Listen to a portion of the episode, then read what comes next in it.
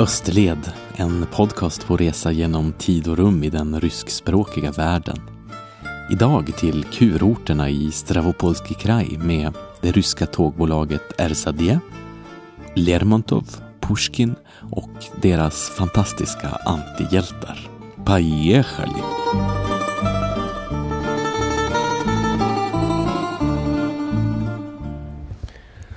Nu står jag och väntar på en taxi utanför mitt vandrarhem här i Novosibirsk. Inte jättelångt från eh, Ploshad Karla Marxa eh, som är Karl Marx-platsen. Och den ligger lite på andra sidan stan som. Men eh, i gengäld närmare flygplatsen, vilket är praktiskt för mig. Eh, det är tidig morgon och eh, fruktförsäljartypen håller på att packa upp sina lådor här. Och idag ska jag ju flyga fyra eh, tidszoner västerut tillbaka till europeiska Ryssland. Och, eh, och nu, eh, nu kommer taxin. Eh, nu kommer taxin, så det hörs. Farväl Novosibirsk alltså. Eh, här tar resan en ny vändning lite grann. Jag vänder ju åter mot Europa. Alla mina böcker är ju nu borta och i min ryggsäck så finns eh, tältet hoprullat kanske fortfarande med någon stackars altaisk förvånad insekt mellan tältlagren. Och utan böcker i packningen så vet jag inte riktigt längre vad jag ska ta mig till. Men eh, tack och lov så har jag telefon och hörlurar med mig så världslitteraturen är aldrig långt borta. Nu när väskan är incheckad så känner man sig helt eh, naken. Det kommer över mig varje minut att jag såhär, var är väskan? Nej, just det, den är ju incheckad. Men som tur är så har jag ju telefonen. Så på väg till Kaukasus ska jag ta och lyssna på en ljudbok. Eh, det blir ett återbesök till den storslagna Onegin av Pushkin. Pushkin har en alldeles speciellt central plats i rysk dikt. Han är som Rysslands Shakespeare. Fast det är fel egentligen. Snarare så är Shakespeare ungefär som Englands Pushkin. Även om Pushkin skrev dikter så blev det lite drama också och efter honom operor av hans berättelser. Han grundade ett litterärt språkbruk på ryska som banade väg för både rysk romantik och realism fast oklart egentligen vad han själv var förresten. Men otvivelaktigt en grundbult i rysk litteratur. I Ryssland så har han länge varit obligatorisk läsning i skolan. Alla ryssar kan några citat av Pushkin även om de inte vet om det. För Pushkin är så kanonisk på ryska att hans verser har blivit till uttryck och ordspråk och referenspunkter i det ryska språket. Ungefär som Shakespeare också har blivit på engelska oskiljaktlig från det språk som han skrev på. Pushkin var alltså poet. Han levde ett kort liv i den flådiga början på 1800-talet i ett eh, ryskt imperium på frammarsch. Bland sexuellt förtryckta adelssprättar i finfina klänningar och kostymer, bland kärlekskranka ynglingars val mellan godsen och militären som karriärvägar. På societen och balletter och mottagningar och hembesök där pågick ständigt äktenskapsmatchningen det var Pushkins värld. På Pushkins tid så är det innan utomäktenskaplighetens problemvärld har hunnit bli verkliga tema som i Tolstojs Anna Karenina och, och långt före Kollontaj ville reformera hela den borgerliga familjeinstitutionen. Visst kan det vänstras också i början på 1800-talet men äktenskapet var ändå mer oifrågasättbart.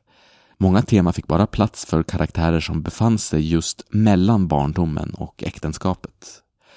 Och på Pushkins tid så lever unga män en, en kort tid.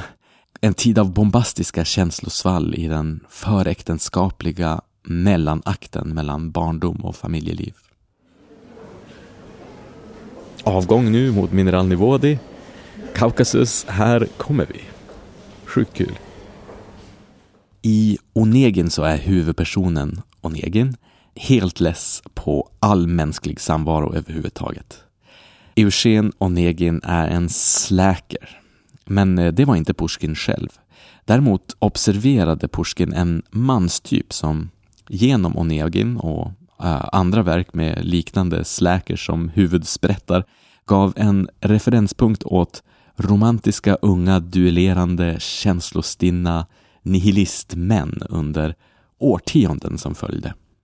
Pushkin var alltså en influencer på riktigt. Pushkins Onegin är ett mästerligt hantverk. Det är skrivet på vers med benhårda regler för både rim och rysk grammatik i versmåttet. Ändå så känns texten lättläst. I alla fall den översättning, eller de översättningar som jag har läst. För tyvärr så kan jag ju inte nog bra ryska för att förstå Pushkin i original. Och att översätta mästerverk är ju knepigt. Pushkin berättar med sig själv som berättarröst i eh, nästan tusen verser kärlekshistorien mellan Eugen Onegin och Tanja. I sammanfattning så är berättelsen att Eugen är less på allt möjligt och uttråkas av societetslivet och han gör sig ändå trots det en god vän, Vladimir Lenski, som liksom drar med honom ut på saker från hans tristess ut i världen. De träffar Tanja och hennes syster och så blir de kära i en kvinna var. Lite grann i alla fall. Onegin han går inte all in i den här relationen. Istället när Tanja sagt att hon gillar honom så förklarar han hårt men resonligt att han inte ids. Och hon blir ledsen och sörjer sin obesvarade kärlek i Onegins övergivna hus, eh, bland hans saker och böcker. Och Onegin tar sen över ett gods och när hans vän kommer och besöker honom så raggar Onegin på sin väns trolovade, helt egentligen utan eh, orsak eller intresse och mest för att han kan. Han skulle aldrig idats upprätthålla flörtandet, men det var egentligen inte mycket till flört heller. Fast hans vän blev väldigt sårad och avundsjuk och de håller inte styr på sina känslor så det blir duell mellan dem och Onegin dräper sin vän.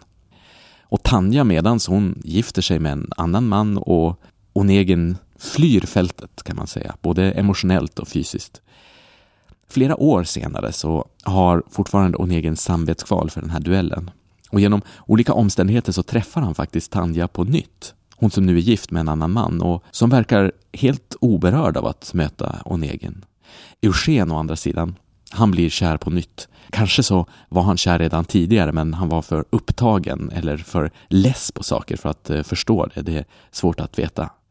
Uppblandat med eh, hans skuldkänslor över att ha dödat sin vän så inser han att han gillar Tanja på riktigt och att hans nihilistiska livsstil kanske skulle kunna ha ett slut tillsammans med henne ändå. Och när de till slut träffas på tu man hand så visar det sig också att Tanja mycket riktigt är evigt förälskad i Onegin. Resultatet blir ändå att hon väljer sin man. Och det är hennes plikt nämligen. Det är så onödigt att deras kärlek har låsts av omständigheterna så.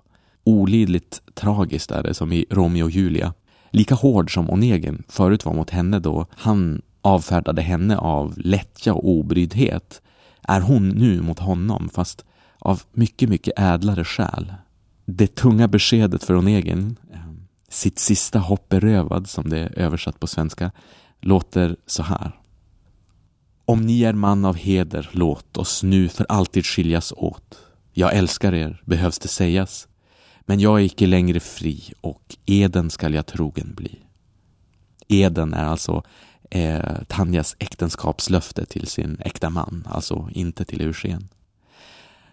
Jag lyssnade som sagt på Stephen Frys fantastiska uppläsning av den engelska översättningen på planet till Kaukasus. Och jag tycker nog att just den här ödestunden i Onegin är bättre än den engelska översättningen, när Tanja avfärdar Onegin mot sin vilja.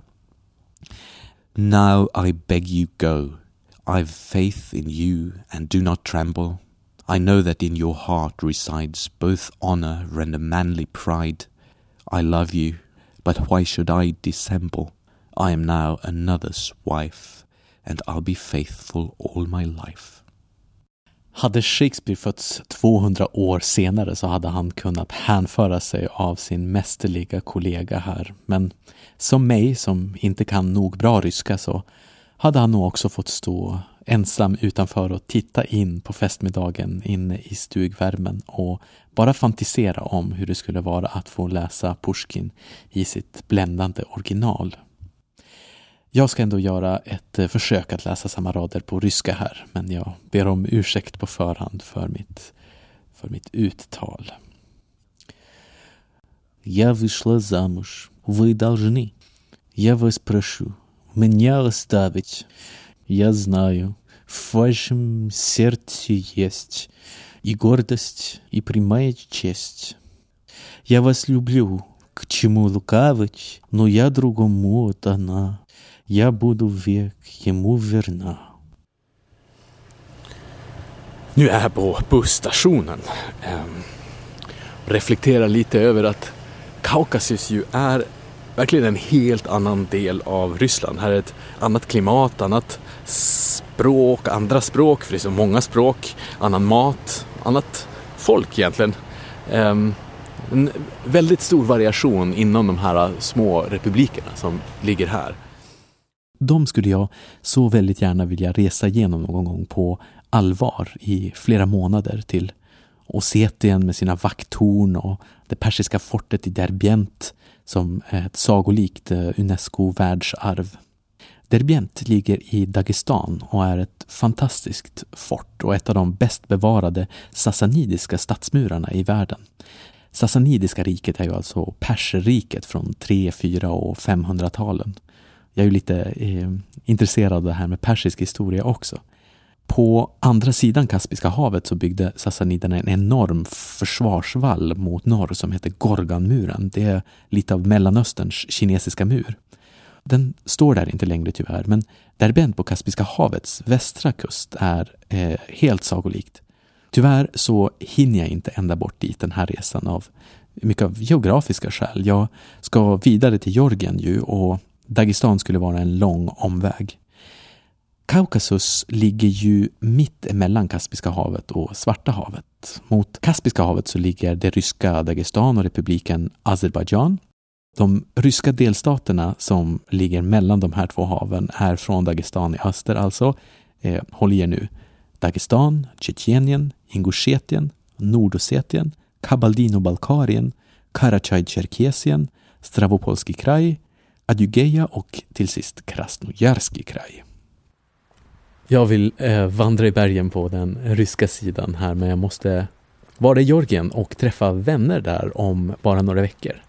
Så jag hoppas kunna hinna besöka ett gäng av republikerna och eh, i alla fall höra några av de många språk som pratas här och framförallt gå i fotspåren av några av det ryska språkets verkliga tungviktare. På bara några dagar så hoppade jag runt i flera av de många spastäder som finns här i Stravopolski kraj. På 1800-talet så gjordes många av dem till kurorter och flera av dem är extremt mysigt tillrättalagda med hälsosamma promenadstråk i stiliga stadsparker. Okej, Pjätogorsk. Här är det alltså sjukt mysigt. Varmt och skönt, långa skuggiga alléer, eh, väldigt avslappnat. En, en väldigt slökat. Privet. Um, och här är målet att jag ska till Lermontovs hus. Uh, författaren. Han uh, Hans hus ligger ungefär en halvtimme härifrån. Petjorin är Geroina Shvovremenij, Vår tids hjälte på svenska, i Mikhail Lermontovs bok. Det finns ju, som jag sagt förut, en lång rysk tradition av att eh, straffa frispråkighet hos ryska författare med exil. Lermontov hade skrivit om Pushkins död på ett sätt som fick det att låta som att viss skuld vilade på det styrande samhällsskiktet. Så han arresterades och skickades på tjänstgöring i Kaukasus. Och det passade honom ganska bra faktiskt. Han lärde sig till och med lite georgiska. Vår tidshjälte är inte en hjältesaga riktigt. Eh, Peshorin är ingen hjälte, men han är en kvinnokar, en eh, självupptagen, dryg, känslostyrd och hänsynslös typ. Men han är ärolysten och intelligent också och har ett stort och ständigt behov av att alltid bli stimulerad av sin omgivning. Men utan att egentligen verkligen bry sig om sin omgivning för, för dess egen skull. Liksom.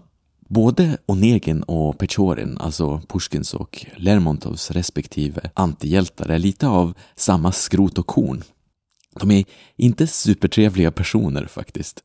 De är unga, omogna män. Och omogna män kanske kan identifiera sig med Pechorin i alla tider. Eh, narcissister borde också känna igen sig i Pechorin. Å ena sidan så är det sköt själv och skit i andra som gäller för honom, men å andra sidan så är han så extremt känslomässigt behövande och beroende av sin omgivning för sitt eget välbefinnande, att han alltid styrs av sin omgivning, av, av andra. Pechorin får i alla fall ihop det med en tjerkesisk tjej som heter Bella Eh, visserligen genom att eh, fulsälja en häst som Bellas bror stjäl och i princip så är det genom att kidnappa henne eh, fast de får det ändå bra tillsammans, eh, ett tag i alla fall. Det finns förresten en djupt osympatisk kaukasisk tradition av att kidnappa kvinnor för att gifta sig med dem. Och det är det förresten inte jättekonstigt att sånt passar just Pechorin kidnappa kvinnor är ju spännande och, och Pechorin behöver ju äventyr. Och när han ledsnar på Bella är det ju för att han, han känner att han behöver nya äventyr att uppfylla sig av på något sätt. Så han bestämmer sig för att skaffa sig nya kickar på resande fot. Och Bella dör till sist i ett annat eh, kidnappningsförsök. Lermontov och Peshorin överlappar lite grann. Skaparen är lite som sin skapelse faktiskt. Lermontov for själv runt i Kaukasus och festade och, och var, var dryg liksom på sitt, på sitt eget sätt. Han skrev Vår tids hjälte uppe i Novgorod men sen hamnade han i exil igen i Kaukasus och det är därför som hans museum är här. Här har man verkligen slagit på stort. Lermontovs hus är bevarat och inhägnat bland vita murar och trädgårdar. Och det känns lite engelskt nästan med halm på taken och jättevälvårdade rabatter. Jag känner nu när jag går omkring här på museet utan ryggsäcken. Eh, jag är bara på genomresa i Piatogorsk idag så jag har inget vandrarhem här där jag kunnat lämna bagaget så jag har gett den till biljettkassan här och det är härligt att slippa tyngden av ryggsäcken i värmen. När Pechorin är i Piatogorsk så raggar han på societetsdamen Mary i bästa psykopatstil. Han ignorerar henne först och sen så köper han på okynne hennes favoritmatta för sin häst och så förklarar han drygt och världsvan för sin naiva men hedervärda rival, kanske man kan kalla honom, eh, Grushnitsky, som hyser en verkligt ärlig kärlek för den här kvinnan Mary att sådana där kvinnor de eh, ledsnar snart på lättillgängliga karar. Petjorin är så dryg. Men just där hade han kanske verkligen rätt, för Mary är lika intrigerande som han är. De kanske skulle ha blivit ett passande par, fast eh, eh, raggade ju inte på Mary för hennes skull, utan mest för att komma åt en annan kvinna, Vera, som till slut blir bortförd av sin man. På altanen utanför det lilla huset där Lermontov ska ha bott så brukade han ofta ställa upp sin stol och sitta och titta på berget, sa de. Det var, var fint. Men eh, hans hus var alldeles knökfullt av turister. Så det var lite svårt att klämma sig in där och få, få se hans eh, arbetsrum. Och, eh, man har fraktat dit hans skrivbord från Petersburg så men nu går jag runt i den mycket luftigare prylutställningen kan man kalla den. Eh, fullt av Lermontovs prylar och saker som berättar historien om Pechorin och, eh, och Lermontov. Och I varje rum så är det små guidade turer. Det är verkligen Lermontov-feber här.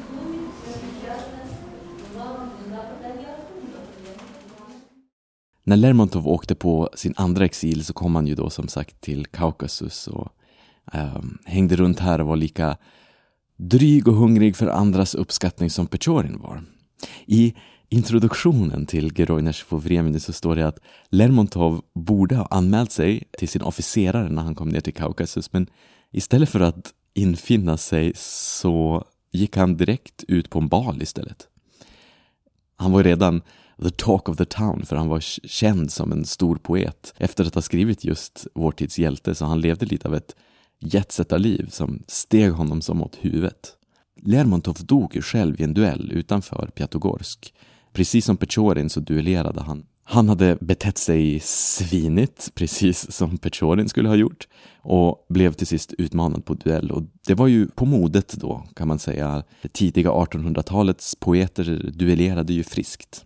Även karaktären Pechorin hamnar ju i en duell. Och det är tragiskt, han dödar sin rival Grusjnitskij fast än han inte hade behövt göra det. Men Pechorin är ju så svinig och obrydd att det inte riktigt gör honom någonting alls. Um, Mary var han inte heller så brydd av och inte Vera heller och inte Bella heller när allt kommer omkring. Pechorin söker nämligen inte kärleken utan bara sin egen förströelse. Han söker inte vänskap heller utan bara uppmärksamhet. Han är helt enkelt ett riktigt litet svin um, och barnslig. Eh, en, en griskulting med andra ord. Och vad lär man sig av att själaskåda en griskulting? Frågar sig läsare av Pushkin och Lermontov. Ja, Pechorin säger kanske någonting om otrevliga personlighetsdrag i ett ryskt mansideal från 1800-talet, men kanske också någonting om en speciell sorts mans psykologi som man kan spåra idag till amerikanska presidenter kanske. Och egenkärhet och bekräftelsebehov kanske är oönskade rynkor i allas spegelbilder. Men eh, man behöver ju inte identifiera sig just med Petjorin för att eh, kunna gå loss som amatörpsykolog när man läser Vår tids hjälte. Eh, Lermontov och Pjatogorsk var coolt. Men eh, nu ska jag vidare. I översättning så kanske Kislovod skulle betyda någonting eh, ungefär som survattnet. Eh, det för ju tankarna till Norrland om inte annat. Men det ryska Norrland, det är ju Sibirien och nu är jag i Rysslands Skåne i söder. Det är faktiskt en väldigt bra jämförelse. För i Sibirien så ligger allt gräsligt långt borta. Men nu är jag ju i ryska Skåne och här kan man ta ett tåg till en annan stad och det tar bara en timme. Det här ryska Skåne är ett Skåne där varje dal har en egen språkfamilj och där gästfrihet är det hedervärdaste som man kan ägna sig åt. Survattnet har förresten att göra med att det finns mineralvattenskällor där i trakterna. Och Mineralnivådi som är slutstationen åt andra hållet, betyder ju just mineralvattnet. Hmm.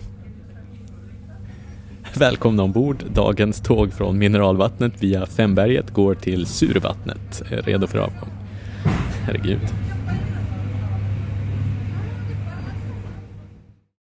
Först en parentes eh, om det här med ryska tåg till svenska SJ som eh, ju inte dras med infrastruktur från Sovjetunionen men som ändå slarvar runt med sina tåg i lilla Sverige som är både relativt mindre och ett mycket rikare land med ett jämnare klimat än Ryssland är.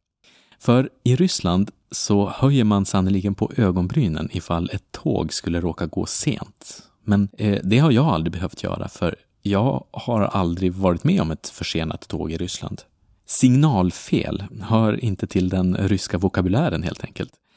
Förut fanns det sådana där eh, ryska ord som eh, folkfiende eller kontrarevolutionär aktivitet. Sådana där ord som ingen eh, egentligen visste vad de betydde men som alla hade en djupt skräckblandad respekt inför. Precis som svenskar har inför signalfel. Jag kom aldrig hem, det blev signalfel. Jag har ju som sagt aldrig varit med om ett försenat tåg i Ryssland och jag har rest här i många månader. Eh, däremot väntar jag fortfarande på ersättning från extremt försenade biljetter från förut när jag bodde i Östersund för förra hösten. Jag förstår att eh, det är svårt och att SJ måste ha fullt upp att försöka lära sig hur man kör tåg i tid. Men om det är någon på SJ eller Banverket eller någon annan på något annat tågbolag som lyssnar så kan ni faktiskt planera in ett studiebesök hit till Ryssland. I Ryssland är det billigt att åka tåg också. Det är nästan alltid billigare än att flyga. För priset av typ fyra Big Mac så sover man på rena lakan över natten mellan Sankt Petersburg och Moskva. Och eh, det är så det ska vara. Se och lär. Ja, men i Ryssland så är det ju inte så att de har sålt ut och privatiserat tågen. Inflyger kanske någon som tafatt vill försvara svenska tåg, men eh, jo då. RZD, som var statligt fram till ungefär millennieskiftet, är nu en grupp av statliga bolag, precis som SJ är, och man har separerat operatörerna från själva tågbanan. Den ryska marknaden för tåg är avreglerad, men lik förbannat så är det både billigt, bra och i tid. Tidigare har jag mest åkt långa tåg, delar av Transsibiriska järnvägen eller nattåg, men här i Stravopolski kraj så åkte jag ett elektritski, men efter att ha sprungit fast ändå missat det första tåget. Det gick nämligen precis i tid. Elektricity är lite mindre, snabba mellandistanståg som eh, har bara sittplatser oftast. Och eh, de går från Minvodi eh, via Pjatogorsk till Kislovodsk mest hela tiden. Ja, men ja, nu är jag ju i Kislovodsk, så jag tänkte dra på krogen, skryta om min podcast för några tjerkesiskor. Så att, ja, har bokat in en duell också med ett fjantskaft från Kislovodsk ikväll. Honom ska jag skjuta skallen av som en riktig man. Fast egentligen är jag lite ängslig inför det så jag tror att jag kanske tar och smsar och ställer in det istället och sätter mig och placerar om lite eh, poster på mitt investeringssparkonto istället. Man betalar ju bara schablonskatt. Ja, fast jag, jag bryr mig inte. Persorins attityd är lika ocharmig nu som den var på 1800-talet. Jag ber om ursäkt, jag måste ha drabbats av Lermontov-febern från Pjatogorsk. Jag ska försöka hålla sånt här eh, till ett minimum. Under dagen som ju alltså började i Arla morgonstund i Novosibirsk så tog jag mig alltså hela vägen till Mineralnivodi eh, och till Pjatogorsk och eh, Lermontov-museet där och sen vidare till Kislovodsk på en enda dag. När man flyger västerut så följer man ju med solen så jag landade nästan samma klockslag som jag hade avrest från Novosibirsk. Framåt midnatt när jag äntligen gick och la mig i Kislovodsk så var klockan redan fyra på morgonen, sibirisk tid alltså, så jag var ganska urtrött. Ryssland är ju ett land där man kan bli inhemskt jetlaggad. Jag glömde mitt pass i duschen på vandrarhemmet i Kislovodsk, eh, men en bergsklättrare från Arkhangelsk eh, kände igen det på min eh, gangsterbild som jag har i det och kom och gav det till mig. Inget jag rekommenderar att glömma sitt pass i ryska duschar, för eh, det kunde ha blivit riktigt drygt. Men när man har sådana korta ögonblick av total klantighet så är det bra att veta att världen är full av goda människor. Det som är förresten med de här spastäderna i norra Kaukasus är ju att de är helt sjukt mysiga.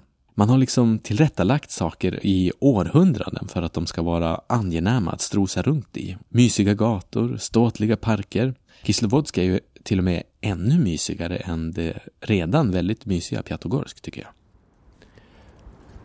Okej, när jag kom igår så var det redan mörkt på kvällen och folk var ute och festade på gatorna i den ljumma natten för det är varmt här i södern. Och det hade vi inte alls i Sibirien, att det är varmt på natten. Det här är väldigt exotiskt för mig som har vuxit upp i Norrland där det alltid är ljust när det är varmt, eh, också på nätterna. Nå, nu sitter jag i en stor och eh, lummig stadspark med långa sådana här eh, promenadstråk och glasskiosker och känns verkligen som ett sånt här ställe dit stadsbor på 1800-talet ordinerades att åka för sina luftvägssjukdomar för att få någon form av luftombyte eller något sånt. Ryska Kaukasus har ju en helt speciell historia och den har också en väldigt speciell plats i det ryska medvetandet.